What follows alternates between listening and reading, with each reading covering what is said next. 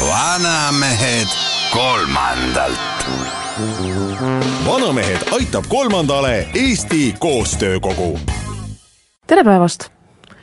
Raul Rebasel ilmus mõni aeg tagasi minu arvates väga huvitav raamat, mille pealkiri on Võimalik ja see käsitleb Gerd Kanteri jõudmist spordimaailma tippu ja seda vaatamata võib-olla paljude arvamusele, et tippu jõudmiseks ei ole kasutatud õigeid või tavapäraseid meetodeid, ühesõnaga, mulle tundub väga paljude tavaliste harjumuspäraste reeglite kiuste ja olles seda raamatut lugenud, julgen öelda, et seal on tegelikult õige palju ka nendele, kes ise ei tegele spordiga, vaid mis tahes alal või mis tahes eluvaldkonnas või lihtsalt oma elus tahaksid oma sihtidest kinni peada, jääda endale kindlaks ja siis hiljem ehk iseenda või lähedase üle uhked olla.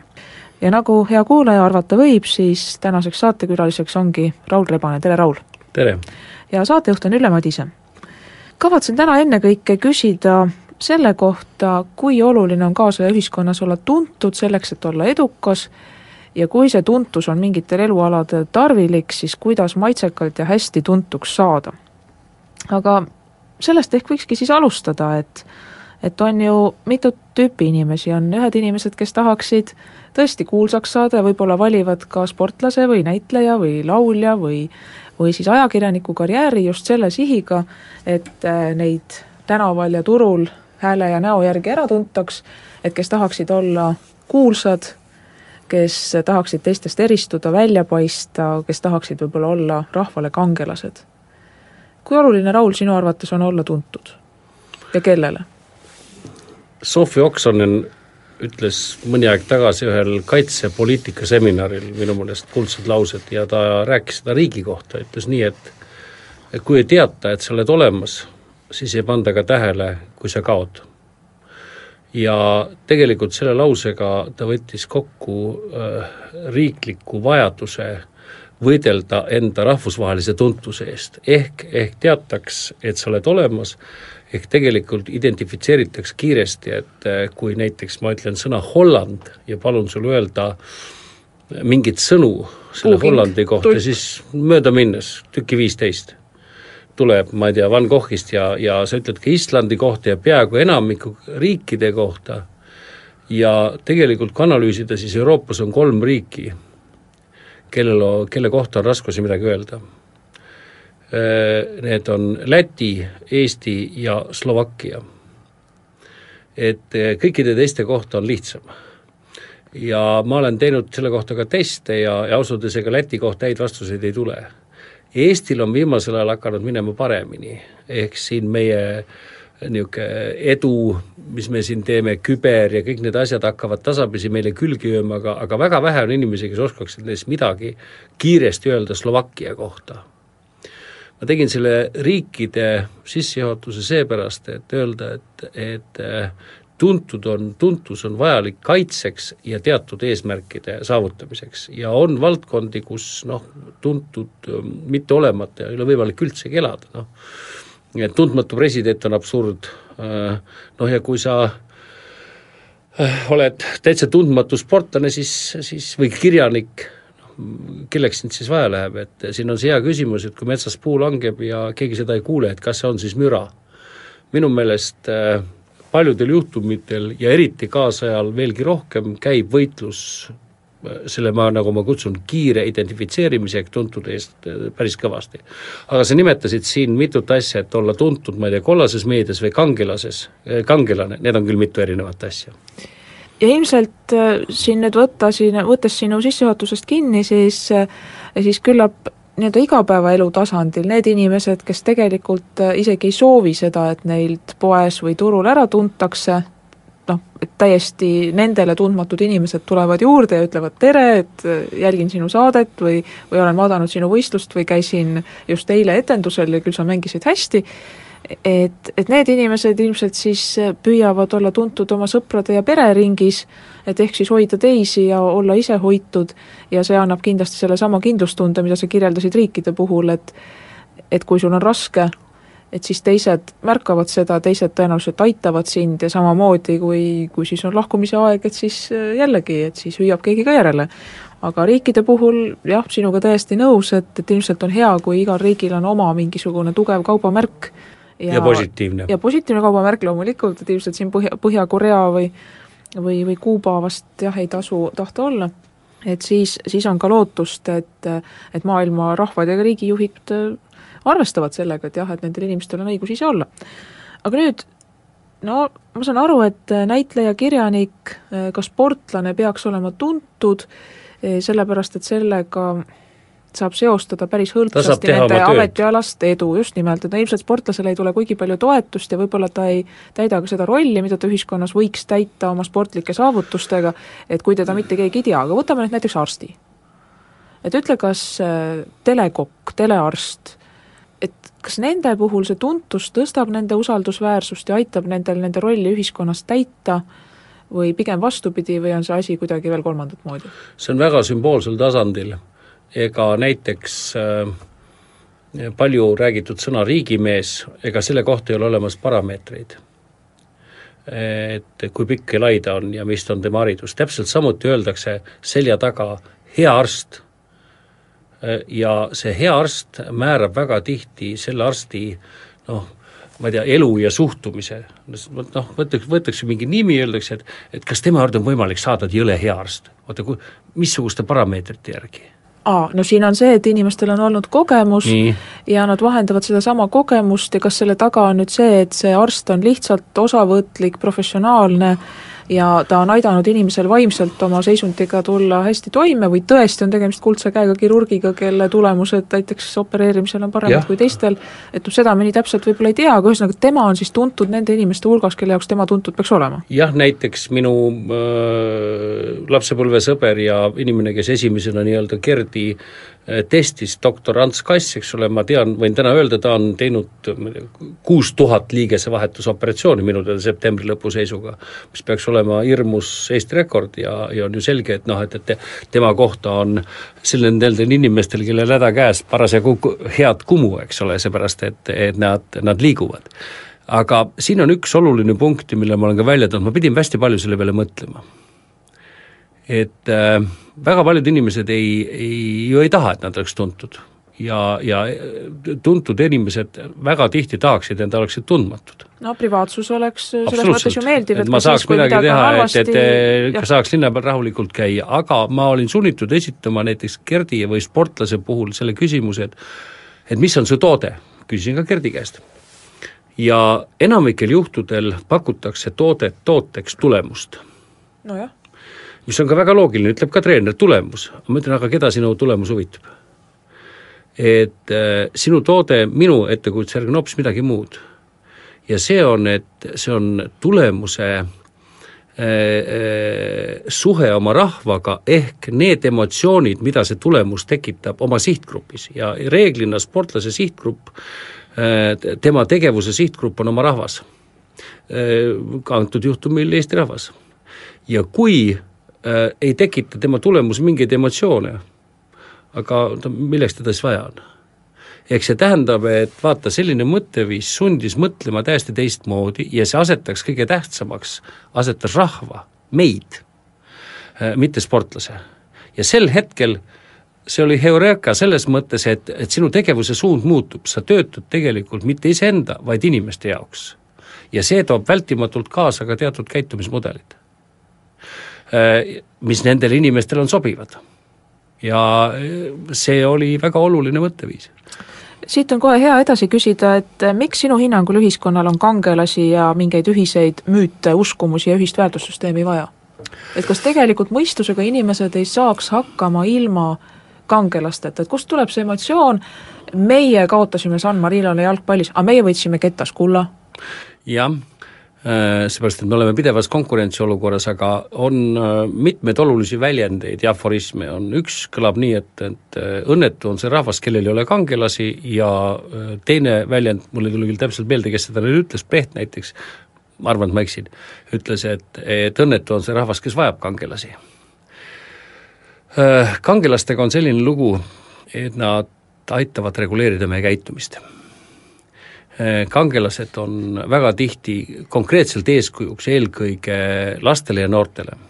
näiteks kui me võtame Ameerika filmikunsti, niinimetatud kangelasfilmid, siis seal kangelased kannavad äärmiselt olulisi ühiskondlikke sõnumeid eh, ja kangelastüüp, mis algas, ütleme, viimased kakskümmend kaks-kolm aastat kestab nüüd Ameerika filmides, nii-öelda kangelase formaat äh, sisaldab tegelikult nelja põhilist äh, eeskuju äh,, mida tuleks järgida, nad on targad, lausa intellektuaalsed äh,, nad on moraalsed, nad on patrioodid ja nad on füüsiliselt arenenud.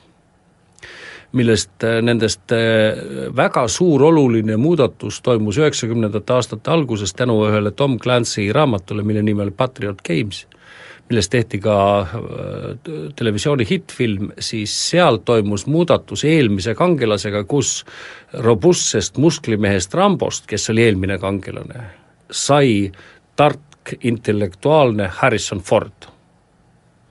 Ja, ja, ja nüüd need kangelased kõik, üks film, üks etendus, üks raamat teise järel kannavad tarkuse, patriootliku moraalsuse sõnumit ühiskonda nad reguleerivad meie käitumist kui me nüüd võtame sellised minevikukangelased, nagu näiteks bulgaarlastel on Hristo Potjev, kes on käinud Kesk-Bulgaarias, on näinud, et äh, iga suurema künka otsa, et iga suurema künka otsa on püstitatud hiigellik kuju. Äh, paljudes riikides on kombeks oma endisi riigijuhte, vabadusvõitlejaid äh, pronksi valada või kivisse tahuda ja siis viia sinna mingil puhul lilli, ja niimoodi, kui Eesti ajalukku vaadata, et siis noh, vaatame kaugemale, ärme siin räägimegi ehk äh, näiteks Lennart Merist või siin mõnest teisest iseseisvuse taastajast, aga võtame näiteks Konstantin Pätsi ja, ja Laidoneri. et kui objektiivselt ajalukku vaadata, siis äh, väga vabandan kõikide nende fännide ees, et siiski ajalookirjutus kirjutab, et päris plekitav ei olnud nemadki. aga ometigi vähemalt minul jäi mulje ja siin tahangi sinult küsida, mis mulje on sinul, et ilma müütilise usuta sellesse et Konstantin Päts ja Laidaner olid niivõrd, no peaaegu nii võimsad mehed, nagu Andrus Kivirähk äh, oma Ivan Orava juttudes Minevik ele, kui helesinised mäed kirjeldab, et võib-olla ilma selle usuta, et oli niisugune imeline aeg ja see tuleb ehk tagasi ja need riigimehed on olemas ja et võib-olla ilma selleta ei olekski vastu pidanud, võib-olla ilma selle usuta, mis kogu ühiskonda tundus kandvat, ei oleks äh, vabaks võideldudki. Väga karmi teemasse läksid ja, ja ka mina olen veendunud, et äh, et usk teebki äh, väga palju asju. Äh, hiljem üle lugedes leidsin ühe koha, mis minu meelest on küllalt tähenduslik. Äh, Gerdi treener Western Haftenson analüüsib seda, et miks temast ei tulnud medalivõitjat. esiteks oli ta noh, väga suurepärane analüütik, ta on magister kettaheitest, ta on lapsest saadik treeninud üliprofessionaalselt ei joo, ei suitseta. no mitte midagi, tähendab idea, ideaal, ideaal, mis võiks ühe sportlase, aga ta ei võitnud medaleid. ja siis, kui juba, kui ta Gerdi treenis, siis ta sai aru ja ütles mulle, et ta mõistis, miks ta medaleid ei võitnud ja see on väga lihtne põhjus. ta ütles, minul mitte kunagi ei olnud sellist pimedat usku oma võimetesse, nagu Gerdil oli. et ei võitnud mitte oskused, vaid võitis usk. ja see on minu meelest äärmiselt tähtis õppetund ja see, kui see läheb kaotsi, siis ausalt öeldes on kõik kaotsi läinud.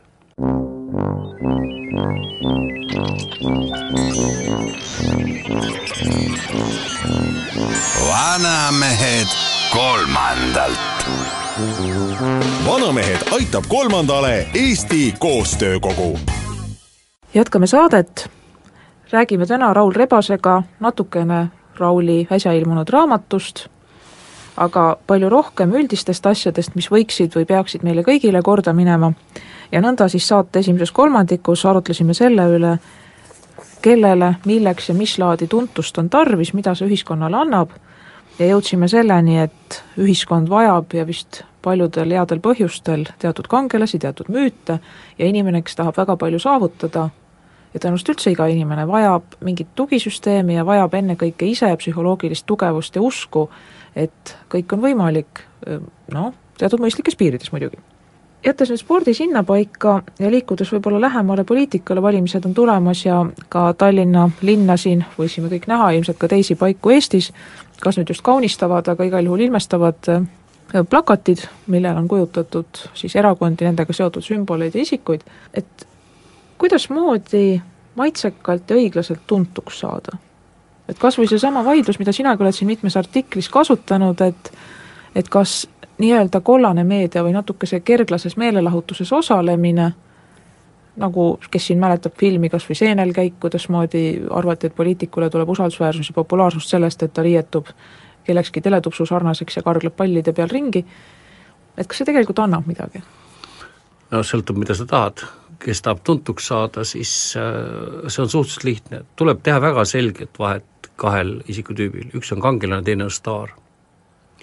staar on meediatoode ja ka staar reeglina nii-öelda meediastaar lõpeb sel hetkel, kui lõpeb meedia huvi tema vastu ja neid on võimalik piltlikult öeldes toota konveierilt ja ei ole mingisugune probleem, näiteks kui täna küsida, et ma ei tea, mis oli Seksi Kristi perekonnanimi, siis, siis kes oli superstaar omal ajal, esikaaned olid täis, eks ole, staar. Äh, või siis neid oli seal teisi, ma ei tea, Vändra Avelid ja kes need olid meediatooted piltlikult öeldes.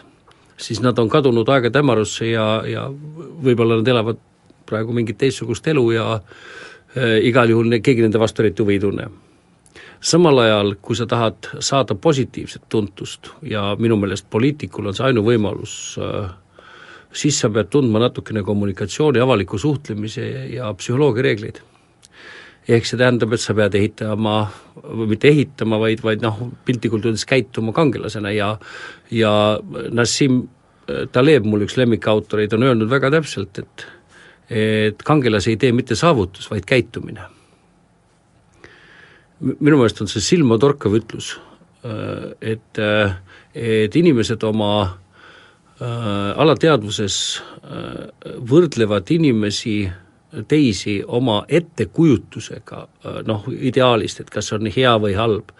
ja, ja seal tuntus ei maksa mitte midagi, minu meelest on Eesti poliitika noh, nii-öelda äh, PR-i üks kõige lo-, rumalamaid loosungid on needsama, et, et, et noh, et, et olgu negatiivne populaarsus, aga see on hea, et ka või siis, et noh, et, et kui sind pole pildil, sind pole olemas, see lause, et kui sind pole pildil, siis pole sind olemas, on juhtinud põlvkondi Eesti poliitikute käitumist, nad tormavad ummisjalu nüüd lähema kahe kuu jooksul ükskõik kuhu kohta jagama kempsu kõrvale piltpostkaarte, kokasaadetesse mune keetma, noh, et peaasi, et et, et, et, et noh, nende nägu oleks kuidagi esil, ettekujutuslikult, et siis valija vaatab minu nägu ja valib. minu meelest on tegemist väga suure eksitusega ja kommunikatiiv, kommunikatsiooni ja põhimõtete mittetundmisega. aga nõnda pole ju mitte ainult Eestis ei, see on igal teised, pool. teised riigid teevad sedasama ja ometigi on terve hulk palgalisi eksperte, kes võetaksegi selleks tööle, et nad mõtleks välja, kuidas inimesest saaks tipp-poliitik, kuidas ta saaks kätte piisava hulga hääli näiteks, et võtta sisse mõni väga oluline ministrikoht? Obama valimiskampaania toimus nii-öelda, selle nimi on microtargeting, tähendab äh, mikrosiig-, väikeste, väikeste gruppide väikeste gruppide, seal on nelisada erinevat tunnust, eks ole, seal analüüsitakse läbi, et kas demokraadid või vabariiklased, kes on koeraarmastajad, kes on kassiarmastajad ja noh, nii-öelda sihitakse siis täpselt, mitte suure kahuriga et, et see on asi läinud nii kaugele, aga meil loomulikult neid võimalusigi ei ole, noh, nii detailselt teha, küll ma pean ütlema, et valimiskampaaniad eelkõige sotsioloogiliste uuringute poolt on läinud praegu professionaalsemaks võr-, võrreldes mõni, mõne aja taga, taguse ajaga. Samal ajal just seesama staari või see noh, nii-öelda kollase meedia tuntuse kirg on nii suur, et väga paljud inimesed rikuvad oma tulevikku sellega ära, sest nad ei saavuta usaldusväärsust ja, ja miks ma peaksin valima noh, mitteusaldusväärset inimest. osa inimesi valib noh, nii-öelda tuntud staari või siis ma ei tea, isegi seal on ahne inimene, valib seda, kes lubab rohkem, noh, on terve olemas terve valimiskampaania teooria, see on see, et missugused soorsugid on siis ahnel inimesel, noh, lubame talle viissada eurot, eks ole, et noh, et äkki virutab oma hääle meile. aga suured häälemassiivid tulevad reeglina usaldusväärsuse pealt. ja, ja selle ehitamine on päris keeruline ma ei taha sinuga vaielda, aga ma Vaid tahan tuua siia ühe teise mõõtme sisse. et kui sa võtad kas või Eesti valimissüsteemi, meil on kaksteist valimisringkonda ja üks inimene Riigikogu valimistel saab kandideerida ainult selles ühes ringkonnas. meil on neli või viis sellist poliitikut, noh ütleme nii, et igas erakonnas on üks, keda me saame selle erakonna liidriks pidada ja siis on veel mõned, kes on üleriigilise tugeva tuntusega et mida nüüd need teised peavad tegema, sest me teame, et nimekiri on väga suures ulatuses avatud, ehk siis ta järjestatakse valijate eelistuse järgi ümber, et erakonna poolt paika pandud nimekirjas teatavasti läheb umbes viiendik kohtadest jagamisele ja sedagi siis, kui ka isiklik häälesaak on küllalt suur, et noh, siin neli viiendikku kuni kolm neljandikku sõltuvalt konkreetsest olukorrast ja häälte jaotusest jagatakse ringkondades puhtalt valija hääle järgi.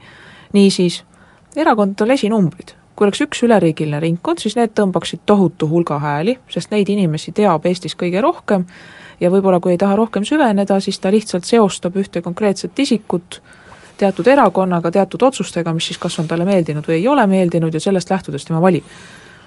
aga ülejäänud kohad on tarvis ka täita. et kuidas siis need inimesed peaksid äh, valijate teadvusesse jõudma, et kas ei ole loogiline mõelda nõnda, et valija läheb valimiskabiini või kui ta teeb asja omale varem selgeks või siin elektrooniliselt hääletab, ta näeb ühte pikka nimekirja.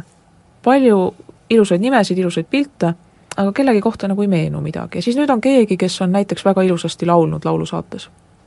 See võimalus on alati olemas ja siin on üks selline trend, mis toimub äh, juba pikka aega, see võitlus algab üheksakümnendate aastate algusest ja kestab kuni tänaseni, aga tasakesi hakkab see lõppema. see on võitlus niinimetatud äh, äh, tuntud inimese, staari ja siis oma mehe vahel või profi vahel. ja kui me tuletame meelde valimisi üheksakümnendate aastate alguses, siis, siis äh, praktiliselt kõik ringkonnad ja era-, piirkonnad Eestis valisid äh, superstaare. ja, ja minu endistest kolleegidest televisioonis on pääsenud parlamenti ja raadios, ma arvan, üle kahekümne kindlasti. ja eriti suur superstaar oli mäletatavasti Jüri Toomepuu, kelle valimised Lõuna-Eestis saatis laul Maikuu, Suur Toomepuu. maikuu suur toomepuu, see oli Igor Kurve idee.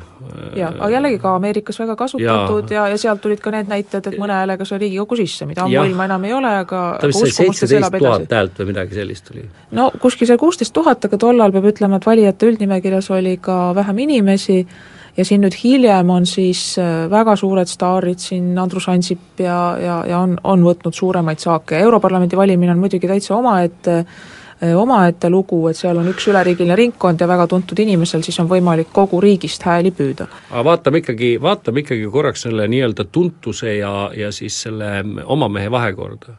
ja Eestis see võitlus on käinud nüüd aastat vast, varsti kakskümmend ja täiesti selge trend on see, et eelkõige niisuguste häälekorjajatena staaride ja tuntud inimeste osakaal väheneb järsult. kaks tuhat seitse, ma pakun, oli Keskerakonnal näiteks nelikümmend kolm staari. ma kunagi lugesin kokku, noh, seal oli sealt oleks saanud terve koori lauljaid kokku, seal oli mineviku superstaare, seal oli lõputult sportlasi ja nii edasi. ja siis oli niimoodi, et nad veel mingeid hääli said.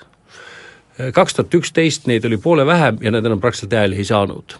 Eestisse on jäänud üksikud piirkonnad, kus veel äh, nii-öelda superstaarid korjavad väga palju hääli Äh, minu meelest on see Kagu-Eestis, ma panin Jõgevamaal tähele, äh, ja, ja veel mõned kohad, üldiselt nad tasapisi hakatakse tõrjuma kõrvale. Mis on jälle huvitav, sest õigluse nimel tuleb öelda, et, et mitmestki eh, kas tippsportlasest endisest või siis eh, noh, nii-öelda muult alalt tulijast, kes ei ole jurist, kes ei ole majandusinimene, kes ei ole ajakirjanik, et ehk siis ei ole oma varasemate tegudega tõestanud kompetentsust eh, riigi asjades, et näiteks maksuküsimustes, et ometigi on neist saanud väga põhjalikud, väga head Riigikogu liikmed, kes töötavad eelnõud läbi, suudavad veenvalt esineda Miks nii oma mitte? kolleegidele kui rahvale, nii et ka see on võimalik. võtame näiteks äh, kuningriiklaste juhtumi Priit Aimla, eks ole, kes oli ju vist kaks äh, Eesti parim humorist võib-olla läbi aegade, eks ole, ja, ja oli vist kaks koosseisu Riigikogus ja e- aga noh, trend on üldiselt sinnapoole, et inimesed hakkavad valima rohkem kas siis professionaalsust või siis erakonna, nad usaldavad natuke erakonna nimekirja, eks ole. no et kui ta on juba samm kõrgemal ja on olemas spetsiaalne graafik, mis näitab esimene koht nimekirjas saab nii palju, teine koht nii palju, kolmas nii palju ja kaheteistkümnes nii palju, kaheteistkümnendal on juba võimalusi hästi vähe. Ja viimasel on jälle suhteliselt palju, oleme ja viimane võib äh, saada natukene rohkem, sest inimesed pu- puhtpsühholoogiliselt kaalutlevad selle läbi, noh kui te oled kuskil keskel, siis valivad oma sugulased ja mõned tuttavad, aga tõenäosus, et sa sealt mingi suure paki saaks, on väga vähe.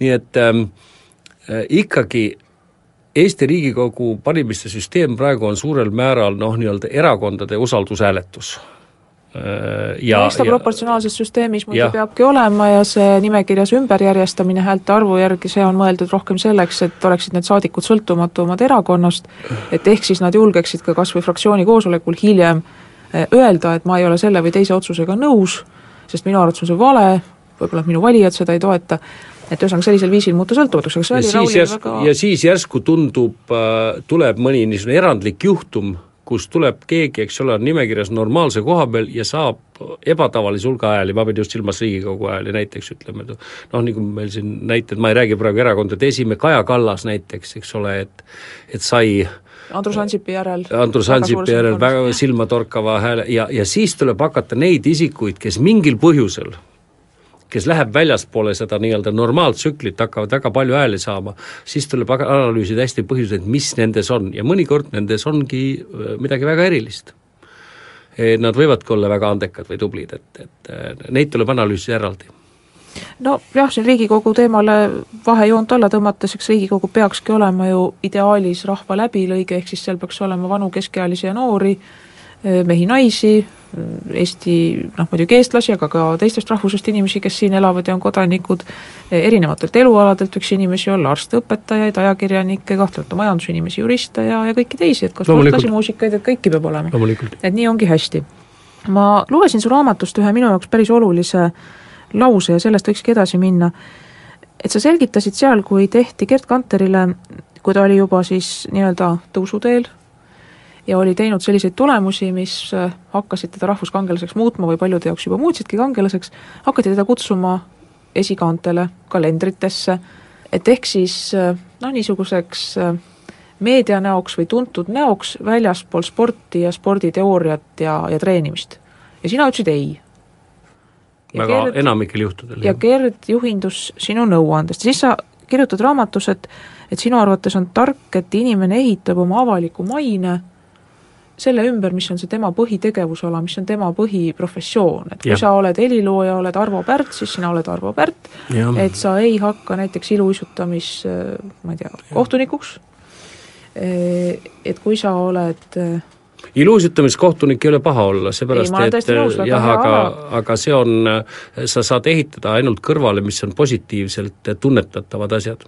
no vot, on ka need inimesed, kes on iluuisutamises, eks ole, algusest peale meil teada siin, Anna Levand, eks ole, kõige kuulsam kahtlemata, et, et kes on teada, no ongi selle ala inimesed, on olnud ise sportlane, on edukas treener, täiesti arusaadav, ta võib meil olema ka kohtunik, eks ole, see on okei okay. ja see ongi tema maine.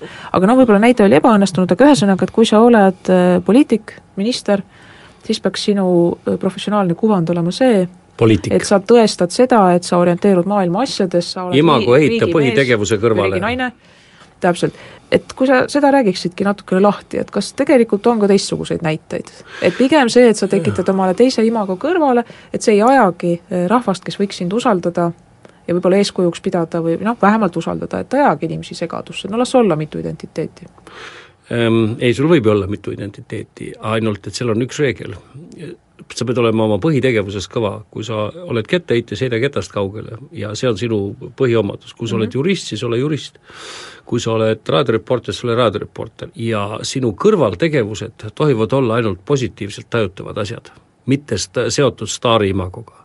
nii nagu sa hakkad öö, olema noh, nii-öelda öö, avaliku elu tegelane selles mõttes, et, et esikaaned, mis on seotud sinu välimuse, riietuse, ma ei tea, mm, mingite muude selliste harjumustega, siis sa võid arvestada, et sa annad ära jupikese oma põhitegevuse imagust. ja väga paljud eelkõige ma kahjuks pean ütlema, naispoliitikud on selle ohvriks langenud, sest nad on äh, äh, neil on selgeks tehtud, et sa oled hirmus tuntud ja küll sa oled ilus ja küll sa oled tark ja küll me teeme sinust selle loo ja teise loo ja kahekümne kuuenda loo. Ja siis lõppkokkuvõttes on niimoodi, et avastavad, et kõik muu on olemas, aga põhitegevuse imagot enam ei ole, ehk olla tubli poliitik. Seepärast, et äh, küll ta käib erinevates saadetes, silitab lastel päid ja, ja, ja võib-olla teeb, eks ole, süüa kuskil Koka saates. Et see on raudne reegel ja, ja küsimus on selles, et mida sa tahad saavutada, kui sa tahad tuntust saavutada, see on väga lihtne. aga kui sa tahad saavutada lugupidamist ja, ja siis äh, usaldusväärsust, siis selleks on olemas oma reeglid ja nendest reeglitest väga palju ei tohi kõrvale minna. Eh, ja seepärast oligi niimoodi, et meedial on oma huvid ja üheksakümnendatel aastatel, kui meedia muutus järsult, siis need huvid muutusid küllalt valdavaks, ehk see tähendab seda, et väga tihti tuntud inimest on vaja lihtsalt lehemüügiks. kas selleks, et teha seda inimest paremaks või ma ei tea, panna esikaanele pilte, eks, noh, ja, ja praktiliselt eranditult kõikide väga tuntud sportlaste poliitikute, kultuuritegelaste elus on olnud momente, kus nad pärast ütlevad, et Äh, pärast mingeid lehelugusid või, või siis televisioonilugusid, et läks pahasti, oi küll on ole, noh, ühesõnaga äh, nad on saanud kannatada väga jõuliselt. Äh, on toimunud noh, niisuguseid perekondlikke katastroofe, kus näiteks tuntud sportlaste naised on andnud mingeid intervjuusid, nad ei julgenud ära öelda ja need intervjuud on noh, teinud kirjeldamatut südamevalu, ma olen seda isiklikult näinud ja, ja mulle on räägitud, kui palju neid lugusid on olnud. ja kui niisugune asi tekitab probleeme, siis tuleb ennast selle vastu õppida kaitsma. ja me valisime oma mingisugused meetodid, mida ma kirjeldan, äh, need osutusid noh, nii-öelda praktiliselt äh, sobivateks, aga, aga äh, loomulikult toob see kaasa ka teatud suhene, suhete halvenemise. kõigepealt olgu selgeks tehtud, et meedia ei ole vaenlane, ma, ma olen ise meediainimene eluaegne olnud ja, ja, ja, ja ma, minu meelest on tegemist äärmiselt olulise erialaga. ja selle aga... noodi pealt võtame väikese pausi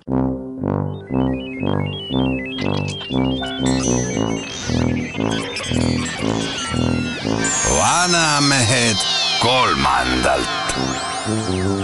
vanamehed aitab kolmandale Eesti Koostöökogu. Jätkame saadet, räägime täna mainest, tuntusest, küsime seda, kuidas saada maitsekalt tuntuks. Ja enne reklaamipausi jäi Raulil jutt väga huvitava koha pealt pooleli. Ja sellega sissejuhatavalt öeldes minagi olen väga nõus, et tahtsin just kommenteerida, et kui ajakirjanik läheneb eh, näiteks tuntud noorele naispoliitikule, ühele erakonna liidritest, küsimustega tema käekottide maksumuse, kingade ja kleitide kohta, aga ei küsi, et, eh, et kuidas vältida näiteks äh, mingisugust Ukraina stsenaariumide kordumist mõnes teises riigis, et milliseid positsioone peaks Eesti selles, teises või kolmandas küsimuses võtma, et kas peaministri eh, kokkulepe eh, Soome peaministriga näiteks teatud eh, energeetilistes küsimustes, et et energiajulgeoleku küsimustes, et kas need on mõistlikud, ei ole mõistlikud, miks, seda ei küsita, küsitakse, mitu paari helesiniseid kingi sul on, inimene vastab et selles mõttes ei ole ju meedia süüdi, tema küsib, ega paljusid inimesi see ka huvitab. ei loomulikult ja, ja alati on vabadus öelda ei. loomulikult aga... alati on vabadus öelda ei, alati on vabadus, aga kui inimene on ette valmistamata nendeks asjadeks, siis on väga keeruline. ja sa võid sattuda erakordselt halbadesse olukordadesse, noh, mul ei ole seda raamatus sees, aga näiteks mis juhtus Gerdi, tol hetkel ta ei olnud abikaasa Liinaga äh,, oli niisugune võist-, võistlus oli Kadrioru staadionil, kus noh, vaatasid seal emaga koos ja vestlesid omavahel ja siis ilmus kõrval üks mees, kes ennast ei tutvustanud, ei rääkinud, kes ta on, istus vaikselt seal, või tähendab, seisis vaikselt seal, kuulas.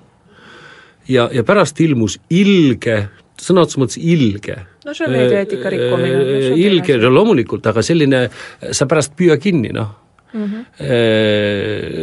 lugu ja, ja kui sellised asjad tekivad, siis loomulikult hakkad sa rohtu otsima. ja, ja ma kirjeldangi neid noh, et, et missugused reeglid me välja töötasime, et, et, et et säilitada noh, nii-öelda töövõime, enesetunne. ja need reeglid on ähm,? Me tegime oma formaadid, tähendab, millal suhtleme, kellega suhtleme, kuidas suhtleme, äh, missugustes väljaannetes, näiteks äh, Gerd ei käinud niisugustes kostümeeritud saadetes, noh, kus äh, pandi, ma ei tea, riided selga teistsugused, üritati temast teha mingit lauljat kollase parukaga või ma ei tea, tuunika selga või mingit Vana-Kreeka kangelast või ähm, on olemas mingid kohustused sportlasel, näiteks olümpiamängude või suurvõistluste eel teinekord on siis näiteks Kergejõustikuliidul või olümpiakomiteel komiteel mingid lepingud, kus siis noh, dresse või näidatakse, no seal loomulikult käiakse. aga, aga, aga me limiteerisime miinimumini kõikvõimalikud sellised äh, kergemat tüüpi asjad, mis tekitas omaette probleemi, sest osa inimesi ütles, et igav, noh nad tahaksid lugeda üks mahlakamaid asju, kuidas koduelu tuleb, ma sain no, sel päeval, kui Gerd tuli olümpiavõitjaks, hommikul rea ajakirjanike käest natukene udjada, et äh, et äh, Gert äh, noh, on igav, et ta ei lase endale koju sisse, noh, ajakirjanikke. ma küsin, et kus see piir on, et kas see on koduvärav, kas see on äh, siis äh, elutuba või see on magamistuba, aga noh, ajakirjanike ühine arvamus oli see, et noh, et ikka kõik tuleb ära rääkida et ikka oleks nagu kõik selge. ja, ja no ma ütlesin, noh, see, see on unistus, et noh, nii ei toimu, seepärast et no kangelasel on ka omad saladused. eks ole, noh, et ta, et, et privaatsus on elementaarne asi. tähendab ähm,, siin toimub süsteem minu meelest äh, või kõige paremini, see on mesilane ja lill süsteemis. ehk äh, tuntud inimene annab ajakirjanikule mett, aga ajakirjanik vastu ei nõela. kui nõelad, mett ei saa.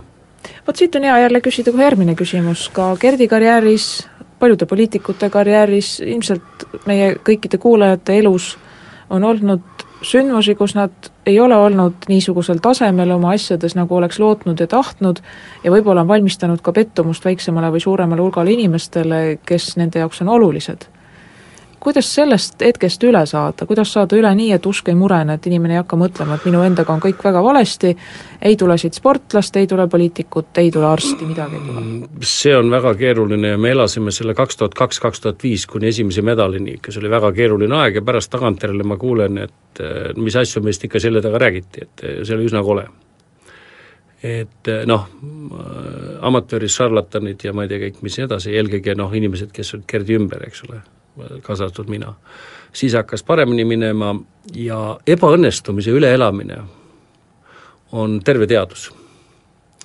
ja, ja ma olen ka neid reegleid kirjeldanud, noh, seal on niimoodi, et kõigepealt süüdista iseennast, et, et ega, ega teised sinu ebaõnnest süüdi kunagi ei ole. no paljud inimesed süüdistavadki ja sellise innuga, et kaob igasugune tahtmine üldse ära. ei, äh, ikka ise oled süüdi, see on, see on kõige lihtsam, seal on see kõik, aga muide, väga huvitav on see, kuidas õppida õnnestumisi üle elama, vot see on palju keerulisem veel, et see ei olegi nii lihtne ja, ja siis võib juhtuda tõepoolest, et sa, sa kaotad kontrolli, kaotad valvsuse mm,, räägid ei tea mida, eks ole, aga, aga ebaõnnestumine on selles mõttes nagu lihtsam, et äh, paned jalad vastu maad, tunnistad ja siin on ausus väga selgelt kõige parem strateegia.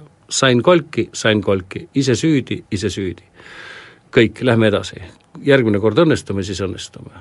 nii et äh, selles mõttes meil olid need reeglid küllalt selged ja, ja, ja õnneks ma pean ütlema, et ausalt öeldes just need kolm ülikeerulist aastat me elasimegi noh, nii-öelda suuremate kadudeta üle, kuigi noh, süda kõrbes.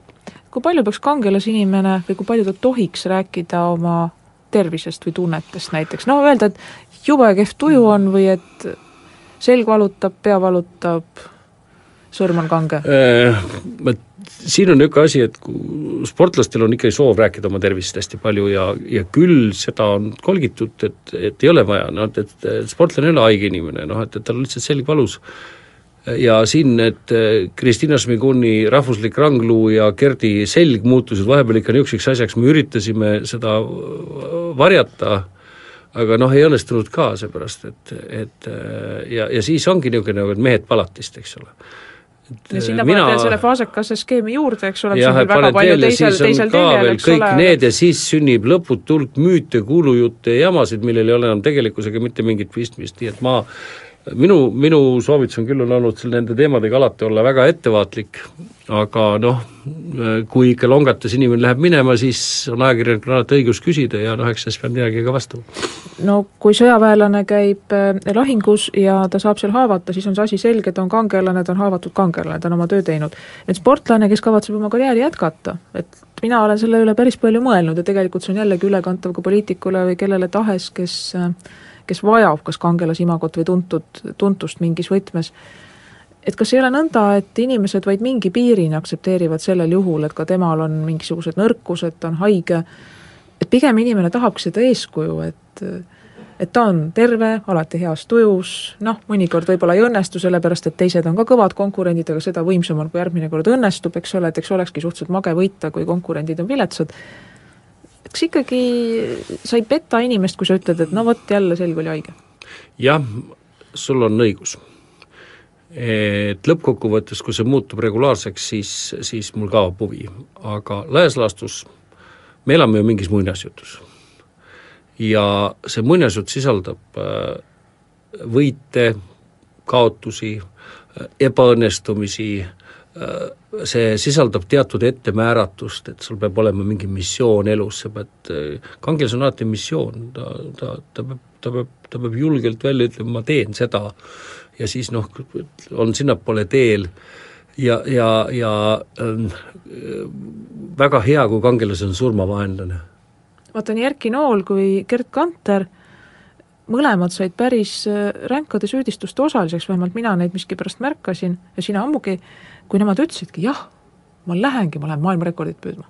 jah, see ja muide, see, see on veel tänase päevani. see on tänase päevani, sest meie rahvuslikus kultuuris on enne tee, siis pärast räägi, viruta maailmarekord, pärast räägi. aga see ei olnud psühholoogiliselt meile sobiv, seepärast et see oleks klappinud iseloomuga kokku. Gerdi iseloomuga, see oleks, me oleks pidurdanud ta arengut, see oli tema äh, tema usk nõudis äh, maksimaalseid eesmärke ja, ja, ja temale tuli püstitada eesmärgid, mida keegi kunagi pole varem teinud. ja sellest ka rääkida, sest siis tundusid vaheetapid tuli, kui mõtled seitsmekümne viiest, siis seitsekümmend tuli kuidagi märkamatult. et Gerd on alati öelnud, et minu kõige raskem meeter oli viiskümmend mitte seitsekümmend, seitsekümmend tuli loogiliselt juba, aga viiskümmend, küll ta üritas seda kolm aastat, no ei saanud jagu ja, ja, ja et, et see oli noh, vale psühholoogiline seisund, aga hiljem, kui kõik need noh, nii-öelda me vaatasime ainult hästi tulevikku kaugele ja kõrgele ja, ja sellest ka avalikult rääkisime, siis need saavutused tulid iseenesest nagu loogiliselt. ja see on erinevad inimtüüpidel on erinevad lähenemised, meil oli ta selline, see ei pruugi kõigile sobida, aga sõimata saime päris korralikult et lõpetuseks niisugune lihtne või keeruline küsimus, vaevalt et sellele minutiga ammendavat vastust suudad anda, aga eks jääb see siis meile järgmise saateni kõikidele mõtlemiseks, headele kuulajatele ka, et kuidas ikka iseenda parimaks versiooniks saada ähm,? Iseenda parimaks versiooniks? inimesed ei vali inimest, inimesed valivad sinu imagot. see on nii sportlase, poliitiku kui ka tavalise inimese puhul äh,. Ja on kaks asja on suhteliselt tähtsad, et see, mida räägitakse sinust pärast surma ja selja taga. ja kui sa nüüd mõtlema hakkad, et mida räägitakse sinust selja taga, siis see ongi see tegelik asi. ja selle nimel, et selja taga räägitakse hästi, selle nimel on palju rohkem vaeva tuleb teha, kui et seda, et kiidetakse näkku. näkku kiidetakse tihti, eriti kui sul on palju raha või palju võimu. Äh, siis leidub hästi palju, aga see on päris hea nõuanne ja sealt edasi, kui see on endale selgeks tehtud, et selja taga on oluline, siis edasi on juba tehnoloogia, seal on juba võtted. et ühesõnaga annad sa head nõu, et ärgu teil olgu palju kadestajaid? jah. selline sai meie tänane saade, rääkisime Raul Rebasega mitmel minu arvates olulisel teemal, kus läbivaks niidiks oli sport ja Gerd Kanteri edu ja ka Rauli äsjane raamat, aga minu jaoks, kes ma sportlane ei ole, küll väga suure innu ja hoolega jälgin sportlikke saavutusi ja meie rahva kangelased meeldivad mulle väga, olgu nad spordis või poliitikas, et minu jaoks just nimelt oli kõige olulisem see, et kuidas ehitada seda mõistlikku mainet, usaldusväärsust ja kuidas anda ühiskonnale tagasi, sest tegelikult eks me kõik ole lisaks oma perekonnale ja vanematele ka ühiskonna produktid aga siia paneme täna punkti, suur aitäh, Raul, saatesse tulemast, suur aitäh kõikidele kuulajatele ja kuulmiseni jälle nädala pärast!